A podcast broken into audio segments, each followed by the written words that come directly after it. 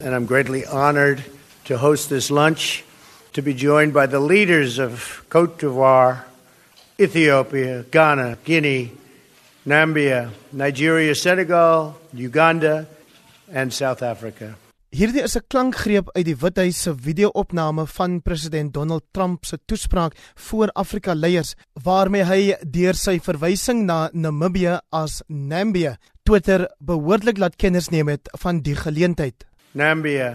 Die ete was egter veronderstel om weens 'n ander rede die tonge los te kry. Lisa Lou Wodren, 'n Afrika-kenner, verduidelik. Dis die eerste keer dat Donald Trump so vergadering hou met klomp belangrike Afrika leiers. President Jacob Zuma was daar, die voorsitter van die Afrika Unie vir hierdie jaar, Denise Alpha Konde, die presidente van die Voorkus, Ghana, Namibië, dan ook Senegal. So dit is 'n belangrike forum wat president Barack Obama in die verlede gebruik het en ook ander leiers reg oor die wêreld eintlik is om Afrika leiers bymekaar te kry en dan goeie bande te smee want dit is baie belangrik vir Amerika en vir Afrika. Dit bly Amerika bly een van ons grootste handelsvennote en beleggers.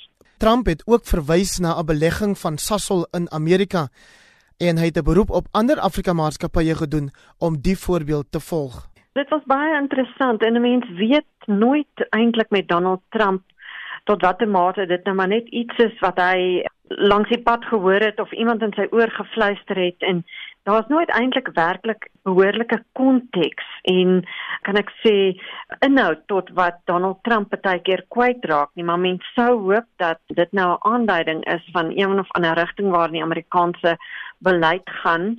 Dis ook maar ook om staatshoofde te paai nadat hy gesê het wel um, my vriende kom na Afrika om baie geld te maak So dis moeilik om te bepaal of dit nou werklik 'n nuwe beleid is van Amerika om maatskappye uit Afrika uit aan te moedig om in Amerika te belê. Trump het sy gaste bestempel as vennote in die bevordering van vrede en voorspoed, sowel as ekonomiese, humanitêre en veiligheidskwessies. Dis wensdenkery van Donald Trump om nou te dink dat al die leiers wat die vergadering was nou uh, ewe skielik gaan beter doen wanneer dit kom by demokrasie en ontwikkeling en die verdeling van ekonomiese opbrengste uit hulpbronne soos wat ons weet een van die groot probleme is in Afrika. Natuurlik wanneer dit kom by sekuriteit is dit belangrik dat die lande in Franssprekende Wes-Afrika waarvan van hulle daar was ook saamstem met Amerika toegang gee tot Amerika vir sy stryd teen terreur. En so daar sou mense sê was dit miskien so 'n stelling was gerig teenoor die staatshoofde van byvoorbeeld Senegal en die Voorkus. Was die afsluitingskompliment in sy toespraak oor hoe goed die Afrika leiers op ekonomiese en ander gebiede sou vaar, 'n ingeligte of oningeligte mening? Ja, ek dink dit is maar tradisioneel Trump-styl. Hy sê dit ook vir staatshoofde in Europa.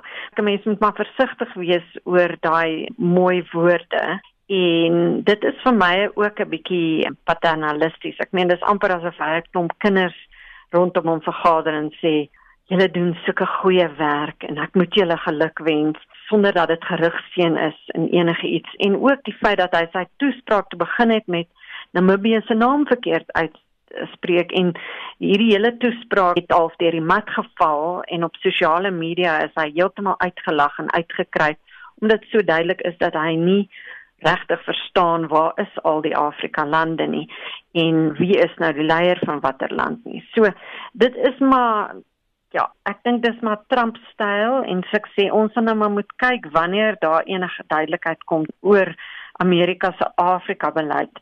Wat gaan dan nou die besonderhede daarvan wees en daarop sal mense om kan oordeel.